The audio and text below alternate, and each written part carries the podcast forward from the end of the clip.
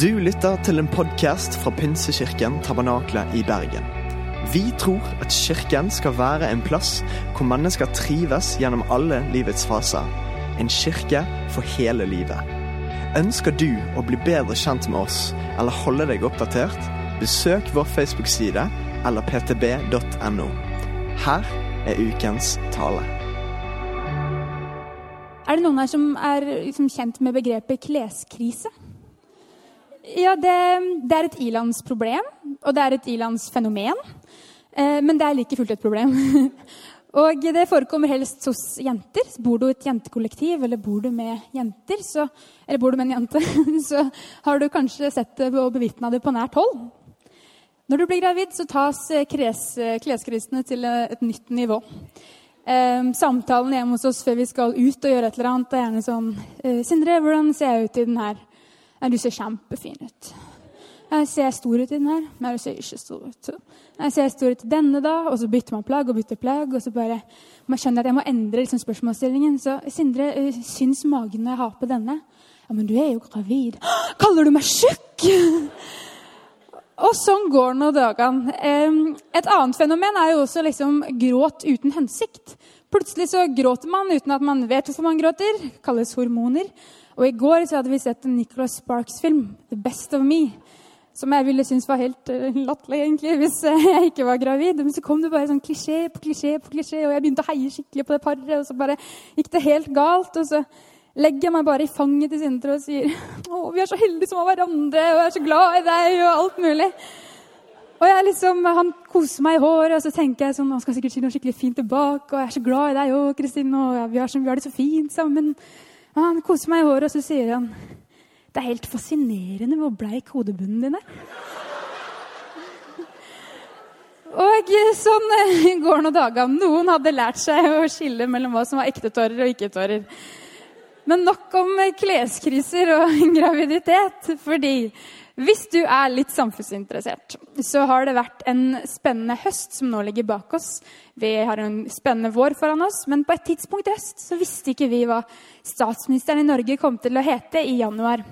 Det var mange spørsmål, harde og krevende spørsmål, som ble debattert i høst.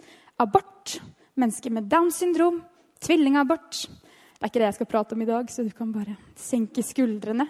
Men det er én ting jeg har hengt meg opp i denne høsten. Og det er hvordan kristne som gruppe har blitt omtalt. For som følge av et, demokrat, et kristendemokratisk parti har entra nå regjeringa, så har vi kristne fått kjørt oss i media. Sigrid Bonde Tusvik hun eh, sa til TV 2 da hun demonstrerte for en stund siden Jeg er her for å vise ansikt, og jeg vil vise at det er ikke greit å få KrF med en kristen leder inn i regjering. KrFs utspill er ekstremt kristenkonservativt. Hun ville opponere bort det. Det er alltid kvinners rettigheter som går tilbake når kristenkonservative får makten, og det er slitsomt, fortsetter Tusvik. Og til VG så sier hun at hun mest av alt demonstrerer fordi en kristen person har fått ansvar for barn og familier. Har fått lov til å ha ansvar for barn og familier. Andre denne høsten har sagt 'moralismens mørkemenn'. De tre statsrådene de har fått oppslag i avisen om at de ber. De ber.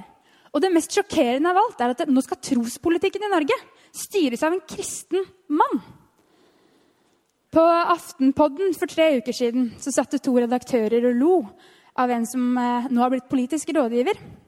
Som hadde stått fram tidligere i en kristen avis og sagt at han ikke lenger hadde en pornoavhengighet. Det satt i og lo av, og det mest sjokkerende var jo at han hadde fått hjelp av en overnaturlig kraft ved, hjelp, ved navn Jesus Kristus, som hadde hjulpet ham med det. Og I ettertiden så har spørsmålene mine vært ganske mange. Er alle i Norge imot kristne? Har resten av Norge fått sjokk fordi vi fortsatt var her? Kanskje visste de at vi fantes, men at så lenge vi drev på med vårt i våre egne lokaler og var liksom stille, så var det greit at de fantes? Men at de skulle ha noe å si for styringen av landet.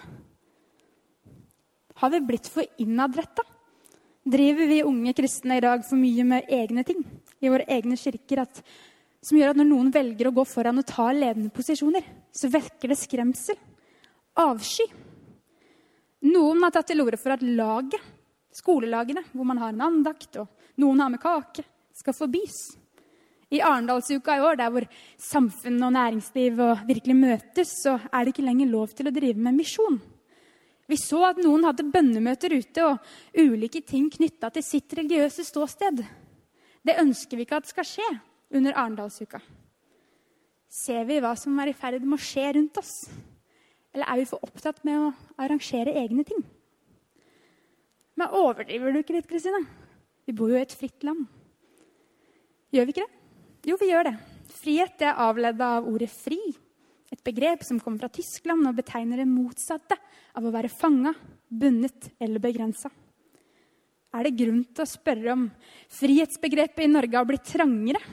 Hvis ikke det kan lenger romme det å leve liv som er annerledes? Gjelder friheten kristne? Det liberale paradokset det innebærer følgende. Vi vil ha et fritt samfunn der folk skal få gjøre akkurat det de vil, men så lenge det ikke samsvarer med det vi legger i frihet, da vil vi ikke ha de her lenger.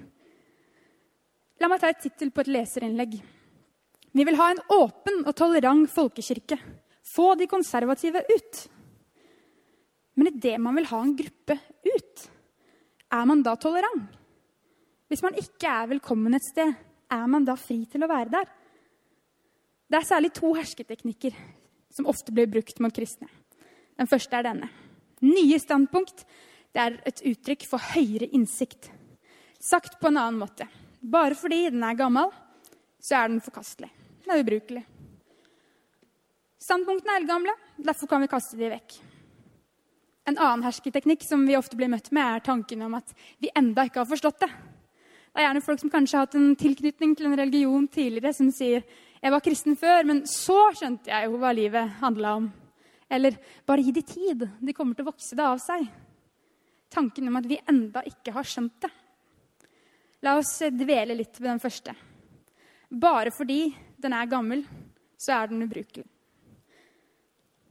Som unge kristne i dag så er vi vant til å hoppe inn og ut av roller. Vi har gjort det siden vi var små, i et samfunn som til stadig legger til rette for selvrealisering. Vi var elever, så var vi lærere, elever, så var vi døtre og sønner, så var vi på søndagsskolen kanskje, så var vi på fotballtrening. Tida går så fort hele tida, og det gjør den når vi er unge også. Unge voksne. Også her så går vi inn og ut av roller i løpet av en dag. Plutselig er vi student. Forelesningssalen, kollokvien. Deltar på en fritidsaktivitet. Vi er vant til å velge. Vi har enorme valgmuligheter hele tiden, og vi er vant til å velge. Vi er vant til å spille mange roller. Men det er én rolle vi som kristen ikke kan hoppe ut av. Å være Guds barn. Men av og til så lurer jeg på om vi gjør det òg. Når vi er redde, når vi er engstelige, når vi står overfor krevende situasjoner i livet. Tanken om å få være Guds barn den er så fin. Det er kanskje den tanken som har gitt meg mest fred når jeg har vært reddest. In my father's house there is a place for me. I'm a child of God. Yes, I am. En av de fineste setningene på jorda. Eller en annen sang vi pleier å synge. I'm no longer a slave to fear. I am a child of God. Jeg er dårligere på å synge de sangene når livet går bra. Det er sjelden jeg klynger meg til Gud og takker Han for det for å være Guds barn. Når de gode karakterene strømmer inn, når høy lønning kommer inn på konto, når alt bare går min vei. Men nå i møte med samfunnet Vi går jo ikke og titulerer oss selv som Guds barn på studiestedet. Men å være Guds barn det er ingen rolle vi kan definere oss inn i eller definere oss ut av. Det er vår identitet. Og vi går til første Johannes brev. Brevet er skrevet som et musikkstykke med sannheter som er gyldige til enhver tid. Men det er relevant å vite litt om det miljøet Johannes skrev i. For etter hvert som kristendommen bredde seg ut, så kom den i kontakt med andre livssyn. En ny populær kult eller gruppe prøvde å forklare Jesus på sin måte. Kulten blomstra, spesielt blant de som var intellektuelle, og de som etterstreba å være intellektuelle. Gnostikerne. Og gnostikerne de avviste tanken om at Gud kunne bli menneske. De trodde at eh, Jesus aldri var et menneske, men kun et bilde. At han i noen stunder bare hadde vist seg som et bilde for noen. Apostelen Johannes han debatterte personlig med gnostikerne. Om han tror at det er de han har i tankene når han skriver dette brevet. Og i hele brevet så bygger han opp under det faktum at Jesus kom hit selv i eget menneske for å dø på et kors, slik at vi kunne bli Guds barn. Gnostikerne de lengta etter intellekt. De var likegyldige overfor egen personlig etikk og kunne oppføre seg sånn som de fant det godt selv. I 1. Johannesbrev kapittel 3,28 så heter det Se hvor stor kjærlighet Faderen har vist oss. At vi skal kalles Guds barn, og det er vi. I vers 7 så formaner han dere barn, la ingen føre dere vill. I vers 18 så sier han mine barn, la oss ikke elske med ord eller med tunge, men i gjerning og i sannhet. Vår identitet er soleklar. Å være Guds barn det er en bærende identitet som får konsekvenser for alle de rollene vi som unge kristne spiller i løpet av en dag. En identitet som får konsekvenser for hvilke valg vi veiledes til å ta, og hvilke valg vi veiledes til å ikke ta. Jesus han var også opptatt av barneperspektivet. La de små barna komme til meg, og hindre dem ikke. For Guds rike hører slike til. Sannelig, sannelig, jeg sier dere, den som ikke tar imot Guds rike som et lite barn, skal ikke komme inn i det. Det er harde ord. Men mest av alt så sier det noe om holdningen til å være kristen. Å være barn det er å være bekymringsløs. Det skal i alle fall være det. For bekymringene de skal noen andre ta seg av. Å være barn er å være håpefull og leke og ha det gøy og være prisgitt i noen andres omsorg. Tenk at vi får være prisgitt Guds omsorg hele livet. Men å være barn, det er også å vokse. Konstant. Konstant bli forma. Å være konstant utsatt for veiledning fra mamma og pappa og andre lærere og andre. Å bare være barn, det er å være mottagelig for rettledning. Jeg er ikke voksen. Jeg må stole på noen andre. Når noen sier noe, så må jeg bare forholde meg til det. Å være Guds barn innebærer å være prisgitt hans omsorg. Å følge den veiledningen han gir. Å ha en livsførsel som han mener er best for oss. Å stille seg i en posisjon hvor han hele tiden får forme oss. Men å være underlagt noen andres veiledning, det korresponderer ikke godt med det samfunnet vi lever i i dag. For hvis religionen din setter begrensninger for deg, da burde du kvitte deg med den. Og stole på at denne boka her er sann. Fremfor våre egne følelser og intuisjoner. Det korresponderer ikke med Norge i 2019. For hvorfor ellers blir det nyhetssaker om at ministre ber? Hvorfor ellers blir det nyhetssaker om at en politisk rådgiver har kvittet seg med en avhengighet av porno fordi han selv mente det var negativt? Å være Guds barn gjør at vi må leve annerledes. Og jeg opplever at jeg har blitt relativt god på det etter hvert. Helt fra jeg var, liten, så har vi hatt fosterbarn. Mamma og pappa de har mastergrader i å leve annerledes og fleksible liv. De er helt rå. Allerede da mamma var 22 år og pappa var 25 år, og de var nygifte, så fikk de spørsmål om de kunne ta vare på en 15-åring. Det som skulle være perfekte nygifte år og hvetebrødsdager, det blei raskt prega av at de var en familie på tre. Og vi har alltid hatt fosterbrødre. Åtte stykker har det blitt gjennom 25 år. Og vi har gjerne hatt gutter med et annet etnisk opphav. Det gjør at eh, det alltid har vært et innslag av en annen hudfarge i familien vår. Og det gjør jo at vi av og til sikkert har sett ut som en litt alternativ familie. Se bare her på et bilde som kommer opp. Her er vi på julemiddag i 2017 på Bygghorn i Oslo. og Idet jeg går inn, så Jeg hadde glemt litt, men så begynner jeg å skjønne at folk ser liksom sånn Ja, hva er konstellasjonen her, mon tro? Og idet jeg går inn, så sier jeg til pappa Hva tror du folk tenker? At mamma har vært utro med to ulike mørke menn på to ulike tidspunkt. Og du tilga henne begge gangene, og vi bare fortsatte familielivet alle sammen. Jeg trodde jeg var god på å leve annerledes. Mange års erfaring i å forklare hvordan familien vår er skrudd sammen. Og selv om jeg og min mann ikke har noen synlige markører på samme måte som mamma og pappa har, så hender det av og til at vi òg føler at vi lever litt annerledes. Jeg henta hentet Sindre, mannen min, på et vors i januar. hvor det var diverse folk. Og det jeg henter han, så er han litt sånn forfjamsa. Når han blir forfjamsa, så tar han seg mye i fjeset. Jeg skjønte med en gang liksom, hva det var som foregikk. Han hadde blitt kjent med nye folk. Og så setter han seg inn i bilen og bare klør seg i fjeset og sier 'Jeg er så annerledes'. Og så sier jeg 'Hæ, liksom, hvit, privilegert mann. er du så annerledes', liksom?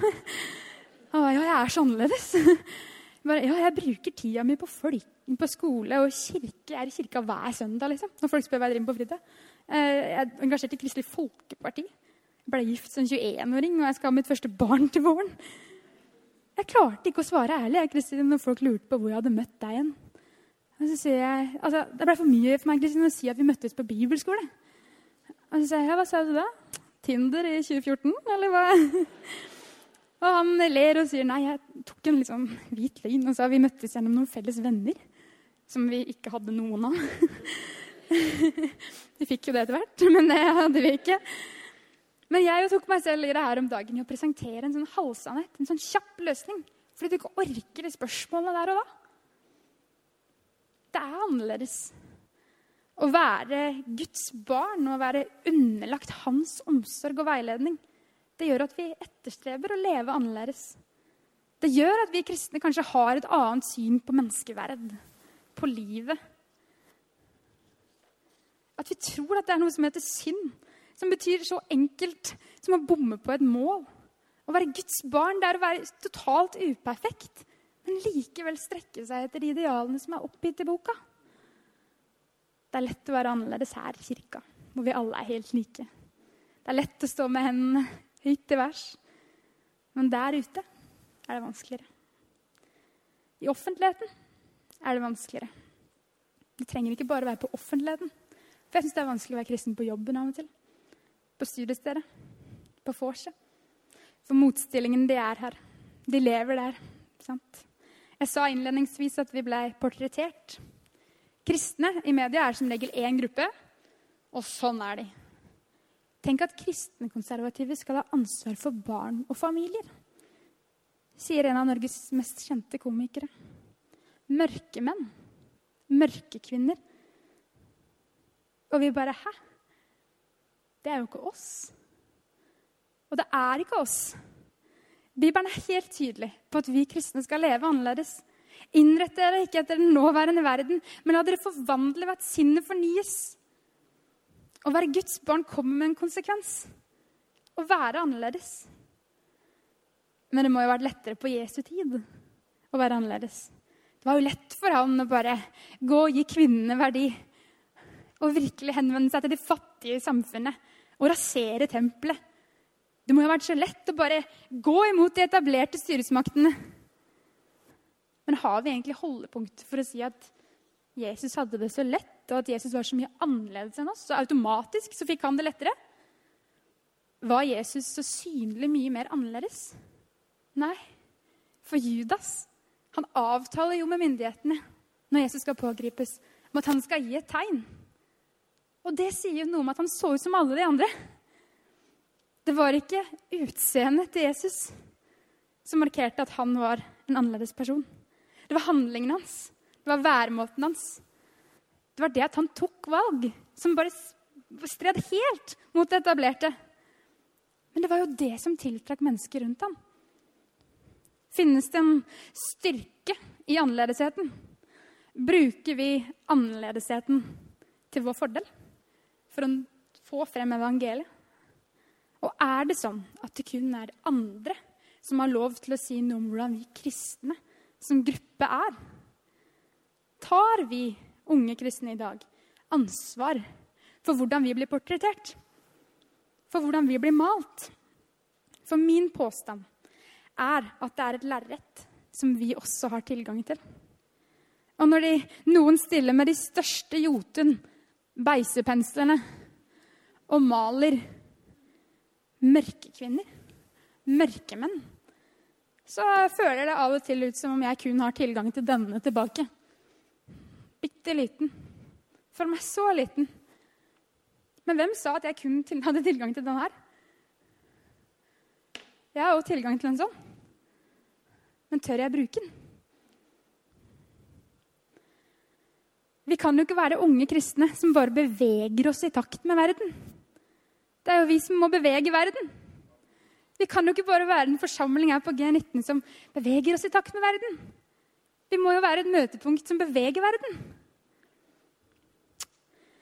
Gjermund Nøystese. Det er vel ingen politisk rådgiver som er så kjent som han. Og mye pga. pornosaken jeg akkurat nevnte. Han har selv vært pornoavhengig og ville kvitte seg med den. Han har bygget opp nettsiden heltfri.no, hvor enkeltpersoner kan ta kontakt for å få hjelp. Og så kleint å bli fremstilt på denne måten. Vi snakka om det i lunsjen på jobb. og liksom, å, tabubelagt, og, å, Vi ler litt fordi vi vet ikke helt hva vi skal si. Det er det første som møter deg når du har fått ny jobb. Det er den saken. Men hadde NRK-saken noen positive, synlige konsekvenser? Nei, usynlige konsekvenser? Jeg ringte lederen i Helt Fri her om dagen.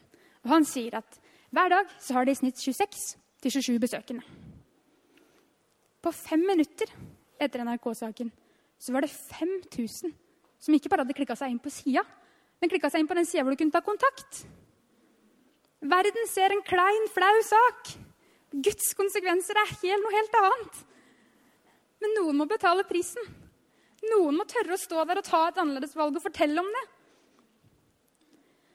Hvis vi tar på alvor at vi er Guds barn og tilhører hans familie, så betyr det at våre kristne og medkristne egentlig er søsken. Det er litt sånn kleint å si sånn brødre og søstre i ånden. Men egentlig er det bare en helt naturlig konsekvens. Det er ikke alltid vi er enige med søsknene våre. Tvert om. Det er vel ingen jeg på en måte kan mislike og elske så mye på en gang som brødrene mine. Ingen som frustrerer meg så mye. Men ingen jeg har det så gøy med. Vi er ikke alltid enig med de som er ute der og er våre medkristne. Men de er fortsatt en del av våre, en del av oss.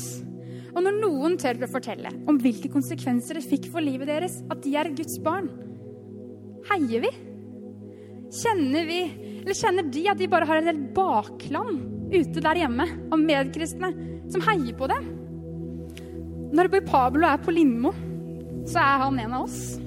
Når Benedicte Ekman går i bresjen i Bergen for å avskaffe menneskehandel, så er hun en av oss. Når Dag Inge Ulstein velger å bli minister, så er han en av oss. Når Marianne Skjelbred maler vakre bilder av evangeliet som store cruiserederier kjøper, og som skal gå på alle verdenshavene, og hun maler Jesus i de bildene, så, så er hun en av oss. Heier vi? Gjør vi vårt for at de som velger å gå foran, kjenner at de har et helt bakland av søsken? Og når kristne blir fremstilt feil i mediene, bruker vi våre malerpensler til å korrigere. Når noen maler mørkemann med den bredeste Jotun beisepenselen du har sett i ditt liv, tar du opp din pensel og maler noe annet. Fordi ikke bare kan vi male Jesus med våre liv og med våre fortellinger og med våre valg, men vi kan justere bildet av andre kristne også. Og så er det jo de færreste av oss som skal ta kampen i offentligheten. Min påstand er at det er ikke mange kamper som kan vinnes der. Sier jeg som bruker mye tid her. Men det er noen. Og det er gjerne delkamper. Og som studenter i dag så er det så lett å tenke at ja, men bare når jeg får bedre råd, liksom, da skal, jeg, da skal jeg bare gønne på å forandre verden. Eller når jeg en gang får den mastergraden min, da liksom begynner livet. Men hvis vi ser på den moderne historiske tiden Ta bare borgerrettighetsbevegelsen på midten av 1900-tallet. Var det de hvite, privilegerte mennene som hadde makt i USA, som sørga for at de rettighetene skulle tilfalle hele folket? Det var jo studentene.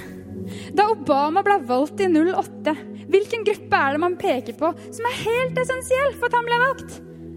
Studentene. De hadde troa. De hadde idealismen før livet tok oss, skjønner vi at vi er nøkkelgenerasjonen i vår tid for å få evangeliet frem. Vi har ikke bedre forutsetninger om fem år eller om ti år. Forutsetningene våre er her nå. Og det er at vi er unge, og at vi har idealisme, og at vi går på. Det er sjeldent store ting i verden blei forandra av de som hadde makt. Blei som regel forandra av at grasrotbevegelser begynte seg. Det bygdes, eller Verden forandres ikke på engasjementet til noen få. Noen få som er synlige. Verden forandres av engasjementet til alle de mange. Hadde Roald eller André fått muligheten til å være på TV 2-nyhetene og fortalt om dette her? Kjempegøy, kjempebra. Men det er jo vi her som kan sørge for at salen fordobles.